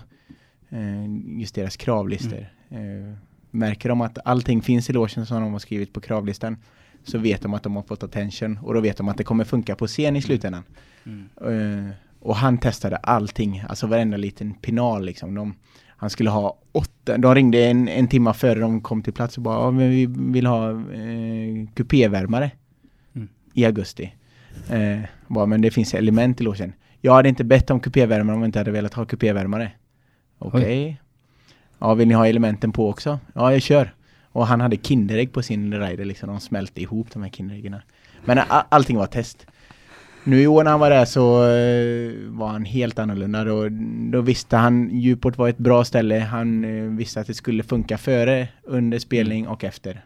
Eh, så hans turnéledare liksom han hoppade på mig bakifrån och gnuggade mig i huvudet som en gammal polare liksom. Så jävla roligt att vara här igen och Ja, det var, det var en helt annan stämning. Han gick till och med ut i publiken i år efter festivalen Okej. och högg bärs. Man hade ganska mycket efterfest har jag hört Uggla. Mm. De, eh, det är klart de efterfester sen så man ska inte hänga ut honom och säga att det var Nej, han som nej, hade nej. brudar inne men Nej, det var... Några jag ska hänga ut och säga Ja. att de tog in brudar. Fan, noll KKV. Det Ja men det, det vet vi. Det har vi ju hört talas om mycket. Vet du varför vi vet det? Var ni med? Nej, Nej. för att de, de, tog era tjejer. nej, för att de spelar på mitt bröllop. Aha, Jajamän, aj, aj, aj. Så vi har... Ja. We Mm. have seen that first hand. Vi har Skönt. sett det. Ja. Men sköna killar överlag. Jag gillar dem Ända båda. fram till de är packade. Nästa person då. Veronica Maggio. Ja. Kufig. Kufig. Ja. Ja. Väldigt egen, väldigt... Eh, introvert är fel ord, Mm. men hon är väldigt liksom instängd. Mm. Sen... Ibland är det svårt att känna av också. De är också på jobb liksom. Ja. De är ju sj- sjukt fokuserade. Eh, men eh, hon är egen. Mm. Väldigt, väldigt trevlig. Nästa person då som eh, Magnus du gillar vet jag. Lars Winnerbäck. Han är kung. Mm, han är kung. På tal om kufig. Det är faktiskt en av väldigt få artister jag inte har pratat med. Nej. Jag visste nog att han var kufig. Liksom, och kände mig inte få, få tränga mig på så direkt. Han var ganska, han var inne i sitt liksom. Alla, alla vet ju lite hur han funkar så ingen vill väl också stödja Nej. honom. Ehm, Så är det. en lite yngre ny artist då. Peg Parnevik. Mm. Uh, jätteskoj alltså. Det ju Ja. hela det Jag känner eh, bra kompis med kapellmästaren i hennes band så det blev ganska naturligt att vi Ja. umgicks med dem och hängde med dem liksom. Och jätteskönt gäng, hela, Mm. hela gänget. Eh, lättsamma. Och har lätt till skratt. Det är Mm. viktigt. Mm. Det är roligt. Miriam Bryant. Ja. Första, när jag skulle presentera mig, henne har vi också haft två gånger. Första, första gången var hon inte så stor. Då var hon en Mm. sån upcoming artist Mm. lite. Jag gick fram och presenterade mig. Hej, tjena Sebastian. Och ja, Miriam, vem fan är du typ? Ja, hon visste ju inte vem jag var. Ja, ja just det, ja, det är jag som driver festivalen. Ja, tjena, ja, fan vilken fet festival. Och det var roligt, Ja. då fick vi lite connections. Och sen så när hon var där andra året, det var ju året efter Mm. Så mycket bättre. Då var hon ju svinhypad. Mm. Eh, men hon är en god göteborgare. Mm. Gillar att kröka också. Gillar att kröka. Ja. Tatuerade sig på festivalen. Och Gjorde hon det? Ja. Var, Jag vilken tatuering? hon gjorde någon, eh, någon, eh, uh, hon gjorde någon fjäril eller någonting på Ja, armen. okej. Ja, någon symbol på armen gjorde hon. Cool. Mm. Darin. Mm. Han Också- söp inte på festivalen, kan jag tänka mig. Nej. Deras crew och deras crew drack nog ganska duktigt. Jag förstår det. Ja. Darin känns ju ändå som en rätt skön snubbe. Ja. För, Ja. för, I alla fall för mig som är lite lugnare. och så. Ja. Men han var där, de var där eh, ganska tidigt på de... eh, Vad sa du att du var förresten? Jag lyssnade inte. Han han ska vara någon slags uh, guldgosse här, men det, så är det inte. Jag bara ignorerade vad du sa. En person som framförallt har blivit väldigt stor nu då, Sara Larsson. Ja. Hur var det att henne? Förutfattade meningen. Jag trodde att hon skulle vara jordens bitch liksom. Hon Ja. ju sån för hög häst och storhetsvansinne och sånt. Hon var väl bara 17 år när hon var på Djurport tror jag. Mm. Delade rum med sin morsa och så. Men hon var helt tvärt emot vad jag hade förväntat mig. Hon Mm. gjorde så här, tryckte ansiktet mot glasrutan i logen liksom. Och gjorde så här funny faces. Och liksom dance-battlade med Molly Sandéns gäng. Och Okej. hon var, nej hon, hon var skoj. Ja. Inte alls som man tänker henne. Ingen rolig anekdot mer om... Nej. Om henne? Ja. Nej. nej. Det är synd att prislappen har gått upp lite där. Ja, lite synd. Ja. Men vem vet? Ett band då som är fantastiska live, Hoffmaestro. Mm. Hur var det att ha de grabbarna De där? kröka. De krökar de va? krökar. Innan de gick upp på scen också eller? Ja, det vet jag faktiskt inte. Nej. Jag missade nog det. Men de krökade ihop med Nolle KKV. Det var inte en bra match. jag, har, alltså, jag har aldrig varit med om att folk vaskar Amarone-vin liksom och tävlar vem som kan sula vinglas hårdast in i väggen. Men de Nej. gjorde det. De gjorde det De alltså? gjorde det. Alltså för mig är det typ det, det är det värsta du kan göra, hälla ut Amarone. Ja. Det får man inte göra. Nej fy fan, dålig stil.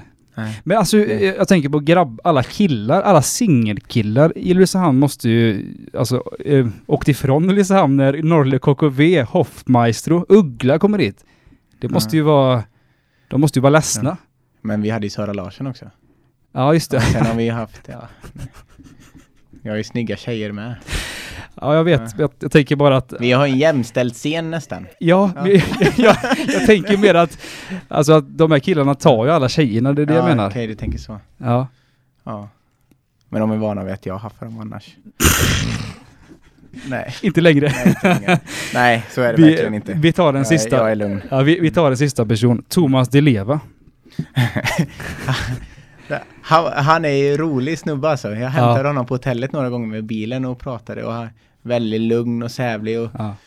så här, ja, frågade vart, när vi kom ner på backstageområdet, vill, vart vill du åka? Vill du åka fram till scen eller till logen eller? Ja, nej men kör för- jag ska till scen. Ja, den har du där borta. Ja, kan du, du får gärna köra med dit. Skulle jag köra in och trockla in fram, fram, till, fram till scenen? Köra honom fram till scenen och så frågade jag, vart är toaletten? Ja, den är där borta. Ja, kan du köra med dit? Det var 50 meter bort liksom. Trockla bakåt. Och sen fram till scen igen. Då hade han precis, precis varit på toa. Ska gå upp på scen. Halvvägs upp på scen så säger han, "Äh, fan jag måste, nej han svor inte. "Nej, Jag måste gå på toa bara också. Så vände, vände tillbaka, går på en bajamaja som står jämte scenen.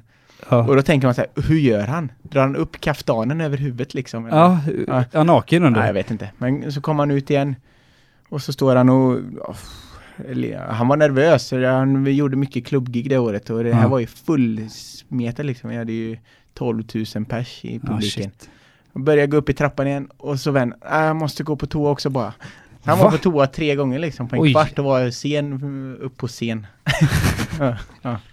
Vad- Rolig kille. Där har man ju ganska eh, förutfattad mening om att han hade en riktigt sjuk rider, men det kanske inte han hade. Ja, han har ju frukt och sånt som, han- som, Ja, eh, som man vill prata han med. fruktar ju publiken. Jaha. Eh, liksom, eller Han nitar ja, nej, folk. Han slänger ut och s- frukta i och vattenkannor och sånt. Men det är ganska lugn annars. Ja, ja. Ja. Ja men bra, då vet vi lite mer vad, hur artisterna är. Mm. Grymt. Några avslutande frågor bara på själva intervjudelen. Som jag nämnde innan, du har 3300 Facebook-vänner. Skulle, alltså, är du lite dumsocial eller hur tycker du själv? Ja, jag är nyfiken här. Jag är jättenyfiken. Jag har ju varit inne och stalkat dig några gånger. Och, Du har gjort det? ja, Ja. och din fru. Nej, men jag är verkligen så här, jag, jag gillar att, att följa människor som man tycker ser intressanta ut. Och man märker ganska fort att världen är mindre än vad man, vad man tror. Den är verkligen liten. Det är det. Man säger kan vara inne och fö- följa en människa på Facebook och så veckan efter så står de där liksom utan Mm. att man vet inte varför. Ja. Nej, det är spännande. Mm. Vad, vad är dina framtidsdrömmar? Du är en ohygglig visionär och ändå kommit långt i entreprenör- entreprenörsliv redan. Men vad, vad är det du verkligen vill göra i ditt liv? Fiska. Nej, men eh, jag tror någonstans så kommer man väl, väl till en gräns där man känner sig ganska färdig och vill börja hjälpa andra i, Mm. i, i sitt nystart. Alltså man samlar ju på sig kunskap hela tiden.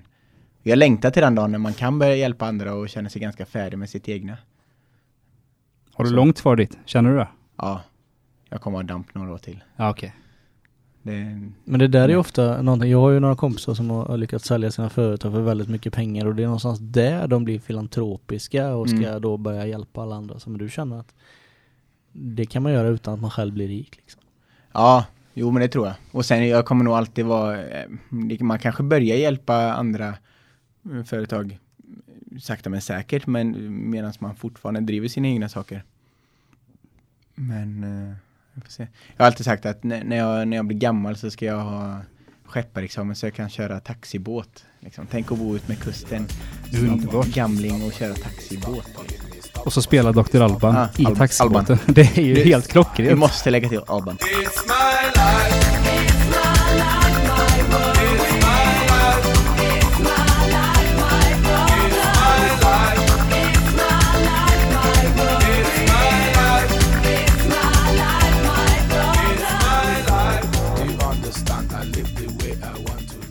Nu kommer vi till ett segment här i podden som vi startade förra veckan med Mattias Svensson som är ett väldigt omtyckt segment märkte vi.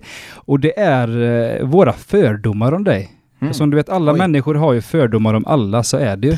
Så vi har skrivit upp här tio fördomar som vi har om dig. Och det är inga sådana här tråkiga fördomar som att du gillar svarta kläder, utan det här är mer, det här är mer Mm. djupare fördomar kan man säga. Okej. Så att vi drar väl igång här med fördom nummer ett. Det finns ett skämt som går du är så rik så du torkar dig med en 500 i stjärten. Detta är alltså ett klassiskt skämt. Men visst har du suttit på en bajamaja under Newport, hört hur någon banka på dörren utanför och ropat Uggla är här nu! Han vill ha hotellrummet nu! Skynda dig! Uggla är här nu! Men du märker där och då att toalettpappret är slut. Du tvingas stressigt lirka upp plånboken, viker ihop en 500 och gör det som krävs. Men detta har du hållit hemligt, för det skulle... En sådan överklass-story skulle skada ditt va- varumärke brutalt. Därför vi har slutat med kon- kontanter på krogen för att slippa försvara de här. Ja. Förs- slippa försvara de här. Eh, det var ju lång fördom. Ja. Stämmer det? Nej, det stämmer ju verkligen inte. Det, Inte nära jag kör ens. Visakort. Nej. Nej, men som jag sagt tidigare, det är dåligt med cash att vara egenföretagare alltså. Ja, Första tio åren. okej. Ja. Två av de bästa sakerna som har hänt världen tycker du är foppatofflor och kaviar med äggsmak. Inget utav dem. Fan. Du känns ändå väldigt Ja, foppatoffel-kompatibel. Ja, foppatofflor. Ja, det hade varit nice tror jag. Ja. Jag tror det. Jag har aldrig haft några. Men jag vågade ju vägra det i 33 år, men sista året tycker jag är fantastiskt. Jag har aldrig haft ett par foppatofflor på mig. Skojar du eller? Nej. Ja. Jag Nej. ser dig framför Nej. gå med foppatofflor och äta mackor med... Ah, Nej. Nej, okej. Och kaviar, verkligen. Nej. Ser skitäckligt ut, men jag tror att det är ganska gott. Jag aldrig... Ja, jag, jag- jag är verkligen så här. Jag är inte alls kräsen, jag äter all mat. Men kaviar? Jag vet inte. Men du har ett öppet sinne i alla fall. Öppet sinne. för- Jag för skulle, skulle någon mata mig med det så skulle jag nog gilla det. Nej men det är bra, Ja. då vet vi. När folk kommer fram och beställer en vodka Red Bull för hundrade gången på en kväll och säger Gör den extra stark men jag betalar för en fyra Så funderar du ibland på att elda upp hela restaurangen. Ja, typ. Ja, Framförallt har jag funderat så här. Nej, krogen skulle jag aldrig elda upp, men vi funderar på att lägga in en sån dumtillägg-knapp på kassan. Så att det blir lite extra dyrt. Det jobbiga är bara att det står ju på kvittot, det behöver inte stå dum, dumtillägg. Dumtillägg, vad, vad skulle Ja. det stå då egentligen liksom? Is. Ja, is, is, extra is. Ja, det är du alltid drink alltså. Fina restauranger som serverar rätter likt Sliding Cube tycker du är rena skiten. En riktigt bra middag äts på stående fot. Gärna en hälta hälta med lite extra gurkmeja eller tre korvar mellan fingrarna. Du känns så extremt stående ätande kompatibel. Ja men så är det väl. Fast jag har typ ingen respekt för mat. Jag skäms lite över att säga det men Ja. man har alltid levt på restaurangmat och man står, man står upp och slevar i sig Mm. lyxkäk ofta. Eh, så nej men cheeseburgare är fan livet alltså. Ja, det är så. Ja. Ja, ja. halvt rätt. Men älskar jag verkligen att gå ut på restaurang men jag äter fortare än blixten ändå liksom. Man hinner inte smaka. Man, Nej. det är mer umgänget på nice restaurang tror Fan vad gött. jag. Ja. Kommer nästa fördom som stämmer då. Du fattar inte folk som äter långsamt. Du tycker att livet är för kort för att sitta och ge en torr köttbit så mycket uppmärksamhet. Ja, ja, ja, ja. Alltså, det finns, äta långsamt finns inte på kartan alltså. Nej. Ja, Ja, men det är bra. Många fan. rätt. Det är fantastiskt. Ja. Förutom kaviaren där. Ja, bara kaviaren som jag missat på. Ja. Du gråter alltid när du hör Lars Winnerbäcks Om du lämnar mig nu på radion. Eller på Spotify. Nej, inte alltid. Nej. Men du har gråtit till den. Han gör det med Melissa Horn. Ja, okej. Ja, jag ska gifta mig med Melissa Horn har jag sagt någon gång, alltid. Jag hoppas inte din tjej lyssnar på detta. Nej, men hon vet om det också. Det, är lite. Ja, det, det var också en grej. Jag har sagt, ja, jag ska gifta mig med Melissa Horn. Enda problemet är att hon inte vet om det. Ja, just det. Så, när, ja, så när, när eh, hennes bokare ringde och frågade eh, om vi ville boka Melissa Horn så sa jag det. Ja, enda, enda ultimatumet är att hon ska få reda på att vi ska gifta oss. Så när hon kom fram och presenterade sig så sa hon eller hon hann inte presentera sig och sa Sebastian, ja det är vi som ska gifta oss. Ja, precis. Det var, inte, det- det, jag var inte alls awkward va? Nej. Ja, det var roligt. Så jag gråter väl mest för att han har fått göra den ihop med henne. Ja, okej. hon Men så jag måste bara mig. ställa en till fråga. Så din Ja. tjej är någon slags, vad ska man säga? Någon standbyer eller vad säger Ja, man? nej. Absolut inte. Nej, okej bra. Hon kan få vara med. Då fick vi det, fick vi det sagt också. Ja. Nej, jag skulle aldrig byta bort Selina. Det är bra. Du tycker att Ulricehamn är himmelriket på jorden. Att bo i Borås känns bara getto. Mm. Lite så. Måste man säga det högt? Nej men jag, Ulricehamn är fan. Sen man flyttar tillbaka till Ulricehamn efter att ha varit borta från Ulricehamn fyra, fem år där. Så är Ulricehamn en briljant stad alltså. Jag uppskattar eh, Ulricehamn jättemycket. Borås har också sin, blivit finare alltså. Men förut när jag pluggade så tyckte jag att det var en riktig betongstad. Ja, men inte längre. Nej, den är mysig nu. Den Ja, är nu- fin. Det har hänt mycket. verkligen. mycket. Mm, Mm. det ska ni vara stolta över. Nästa fördom. När du jobbar i baren och någon beställer en drink av dig, drar du ibland pizzeria-linen 15 minuter, en kvart. Nej. Varför skulle jag Det, göra det är bara det? fördom. ja men du känns lite så här skojig och det kanske du Ja. säger så liksom. Ja, det hade nog kunnat hända. Ja, nu kommer du göra det i alla fall, Ja, framöver. Framöver. En vodka Red Bull, 15 minuter, en kvart. Däremot vi beställde sex familjepizzor häromdagen. Och han på pizzerian sa, sa en, en timme, en kvart. ja, Bra runda ner lite Ja. så. han visste inte riktigt. Du funderar alltid på att radera ditt Facebook-inlägg du lägger ut om du inte har nått 100 likes på en kvart. Nej. Jo, Nej. jo. Sjukt tveksamt. Ja men det roliga är att jag tänkte i bilen på vägen hit att ni kommer nämna sociala medier och, Ja. och likes och sånt. Och direkt när man lägger upp en bild eller när man lägger upp en statusinlägg så vet man med sig vilken som kommer bli en sån like-raket och vilken som kommer inte synas. Nej. Så man vet, vet med sig det ganska... Ja, Men, Tydligt. men för dig är ju 70 likes, det är ju ett nederlag liksom. det är ett nederlag. Ja. Men eh, ibland måste man få iväg dem också. En Ja, annan har ju den där, Ja. kommer man över 10 likes på Insta, då står det 10. Då står det liksom inte namnen. Den är man liksom, yes! I am there. Ja. Ja, vi alla strävar efter olika saker, Ja. så är det. Grymt Sebastian, Ja, vi fick några rätt där Ja, i alla fall. Tror jag i alla fall. Ja, vad fan inte illa. Vi går vidare till segmentet som heter Vad tycker Sebastian om? Och då kommer du få några påståenden. Vad tycker Sebastian om när du jobbar i baren på din krog och fulla människor säger Hörru, ö! Eller nu är det min tur till dig. Vad jag tycker om det. Den här lite den där ja, grabbiga... ja, men det, det blir verkligen så här. Utan tvekan att de hamnar längst bak i kön för varenda svordom eller varenda gång de skriker. Till slut så blir de ju aggressiva på grund Mm. av det och då förklarar man ju att, ja men, chilla liksom. Du, du måste ju fatta att du hamnar längst bak i kön varenda gång du är dryg. Så knappar med Ja. fingrarna Ja, funkar det är- inte så bra på dig liksom. Nej. Om, man, man om man står det. bara med en 500 mellan fingrarna och är helt tyst, funkar det bra? Ja, det funkar bättre. Det brukar funka för mig. Ja. Håll den inte in i baren bara. Ja, 500. Va, jag trodde du skulle med tusenlapp, eller gjorde du sist i alla fall? Ja, så länge man inte håller det inne i baren, för det finns de som tror att man ska stå med kortet eller sedeln och att man får hjälp direkt.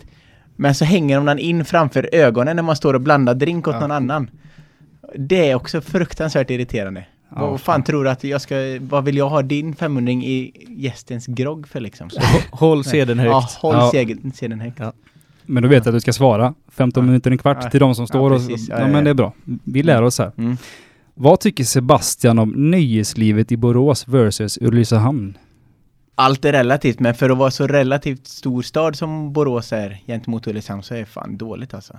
Tycker du det? Ja, krogmässigt. Klas är skitduktig Mm. eh, och gänget på en, de, Jag har alltid haft Klas lite som en förebild. Mm. Eh, Claes Tryborn, ja, shoutout. ja. Nej men han, eh, han är jävligt duktig. De är duktiga. Eh, Och restauranglivet har ju fått en uppsving. Det är mycket bra restauranger. Mm. Men jag tycker vi, vi kämpar på bra i Ulricehamn. Mm. För att Mm. vara så pass mycket mindre. Vad tycker Sebastian om människor som inte är lika driftiga och drivna som du är? Det beror helt på vilken inställning de har, måste jag säga. Mm. Jag förväntar mig absolut inte att folk ska vara driftiga och, och drivna, men eh, så länge man gör sitt bästa, det är det viktiga. Annars så tycker jag fan de är slöfockar. Då, då jag blir förbannad på, på, på slöa människor. Som inte, som inte tar tillvara på sitt liv. Mm. Jag förstår inte hur man kan eh, slösa bort tid liksom. Fan, det har varit en så jävla bra fördom annars.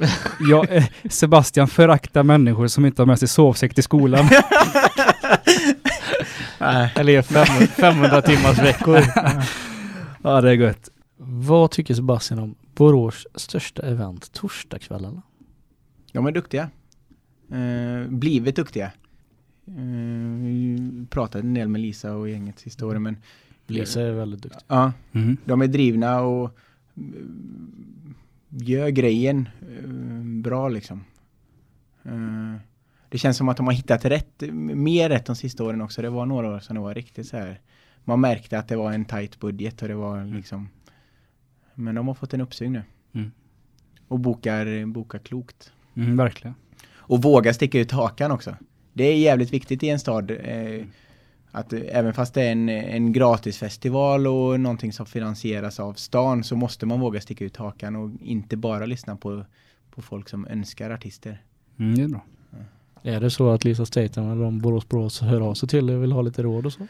Eh, råd vet jag, men det blir, det blir nog mer per automatik att man ger varandra råd. Mm. Och sen, vi konkurrerar ju om, vi konkurrerar inte med varandra men vi konkurrerar om artisterna lite. Mm. För så är det ju, artist, om artisterna har tackat ja till Ulricehamn så måste Lisa och de nästan per automatik ringa mig och fråga om det är game att de kör de här och vice versa. Mm. Så.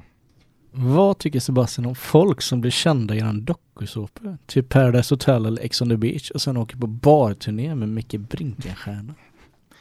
Alltså, den, den första kändisen jag träffade var ju typ Robinson-Robban. Ja.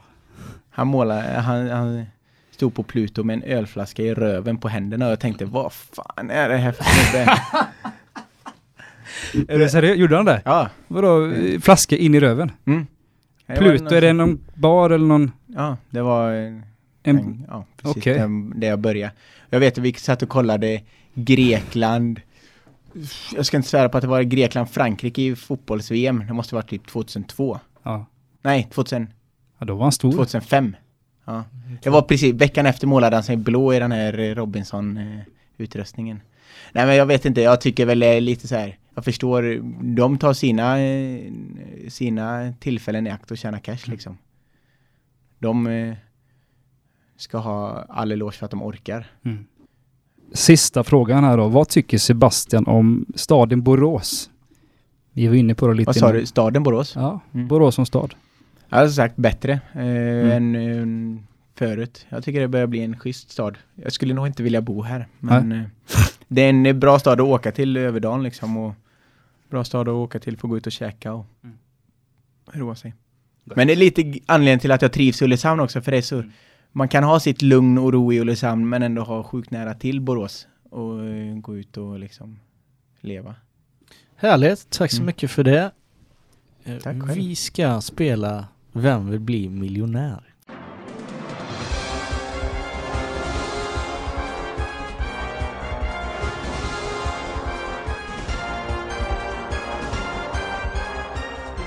Det är Mm. så här att Shit. Sebastian har klarat nio frågor fläckfritt. Alla tre livlinor kvar, vilket betyder att du kan välja att ringa en vän. Du kan fråga publiken. Mhm. Publiken i det här fallet är jag och Adam. Okej. Och du kan välja 50-50. All right. Du har alla tre livlinor kvar att spendera. All right. Jag får Mm. Om du ska ringa en vän, vem Mm. hade du ringt då? farsan. Kan du inte dra något bra name drop istället? Någon känd person. Nej. Ja. Jag vill ha, eh, Mattias Svensson ringde Adam Alsing förra veckan. ja, men Mattias Svensson skulle jag kunna ringa då. Ja, Det är bra. ganska bra kompisar. Bra. Mm. Men jag tror inte jag skulle få hjälp. Kändisgåta. Det tror inte jag heller. Nej. Frågan lyder. Vilken av dessa amerikanska presidenter var med i tv-serien Skratta in eller Laugh in? Var det A. Lyndon Johnson B. Richard Nixon C. Jimmy Carter eller D. Gerald Ford? Tänk nu på att du har alla tre livlinor kvar. Ja. Vad fan? Jag vill börja med 50-50 då. Det Fan. måste vara... Blir det tråkigt nu? Nej. Behöver du frågan igen? Ja men det eller? kanske är roligare att ringa en vän från början. Ja, så att de får gör det. svettas lite. Ja, men absolut. det. Ja. Ja, ring Mattias Svensson. Ja, gör det.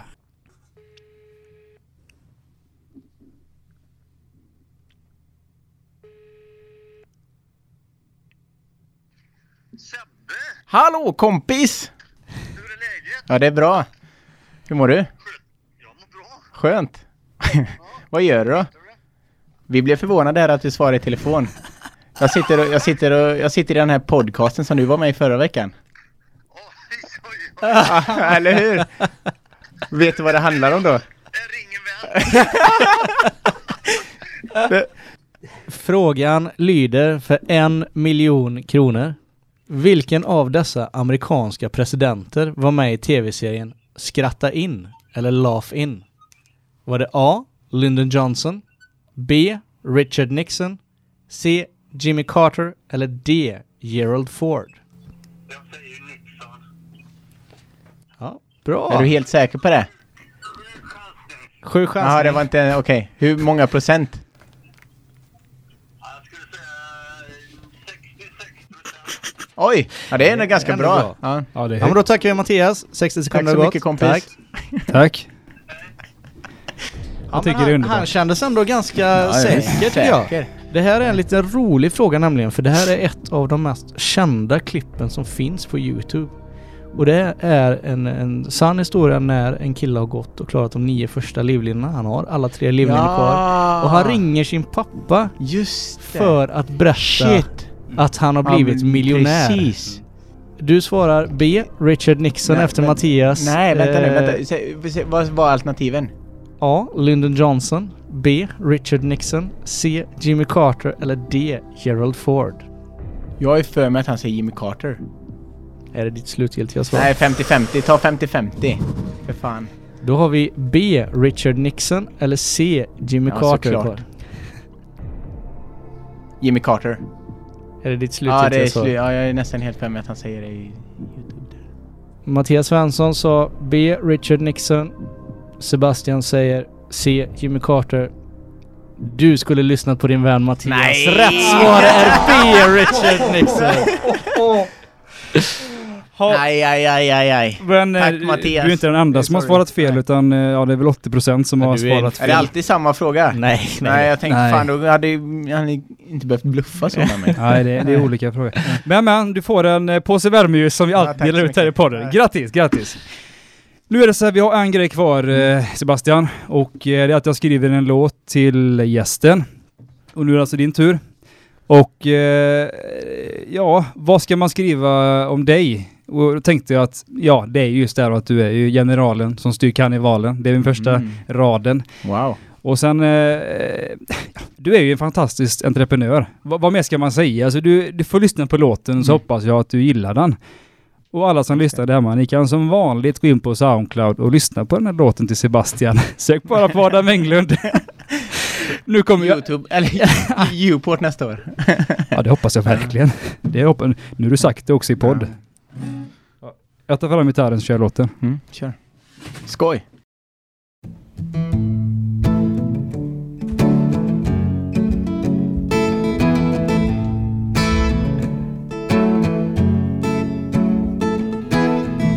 Han är generalen som styr karnevalen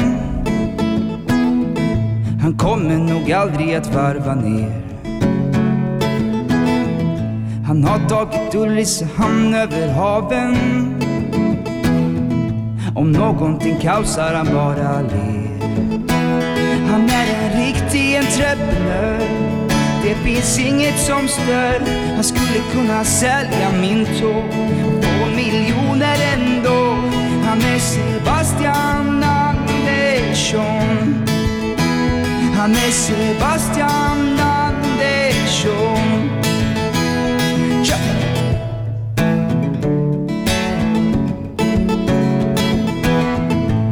är krögaren som är den som styr baren.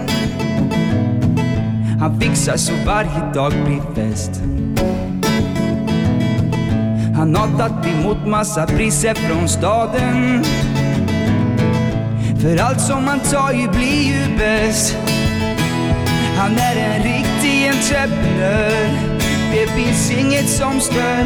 Han skulle kunna sälja min tåg och få miljoner ändå. Sebastian Andersson.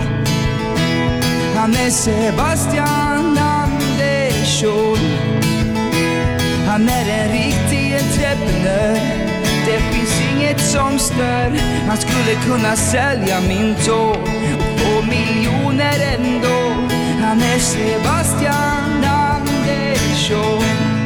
Hey, Han är Sebastian Andersson.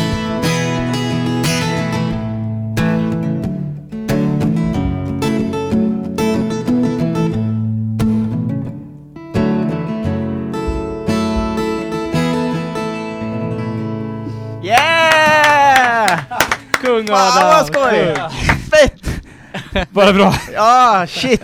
Alltså, Ja, det ju några tillfällen i livet man är nära på att börja grina för att man är smickrad. här Det är var så? ett- Det är det coolt att få en ja. egen Det är låt, fett alltså. att få en egen låt alltså. Vad, ska Shit, vi på något sätt knyta upp säcken? Blir det Uport i år? Jag kanske ringer dig tidigare nästa gång än sista dagen i alla fall. Ja, tack så mycket. Ja, det är bra. Ja, sjukt smickrande. Tack så mycket. Ja, vad roligt. Och tack så mycket Sebastian. Mm. Tack för, för den här stunden. Tack, tack. Lycka till med allting. Ja. Detsamma. Vi ses på Uport. Det gör vi. Vi ses i Ulricehamn. tack så mycket. Tack. Tusen, tusen tack till alla ni som har lyssnat. Om ni vill nå mig och Jason så går ni in på min hemsida adamenglund.se så hittar ni alla uppgifterna där. Följ oss gärna igen nästa vecka då vi släpper ett nytt avsnitt i samarbete med Borås Tidning. Och podden klipps utav Birgit Out Loud.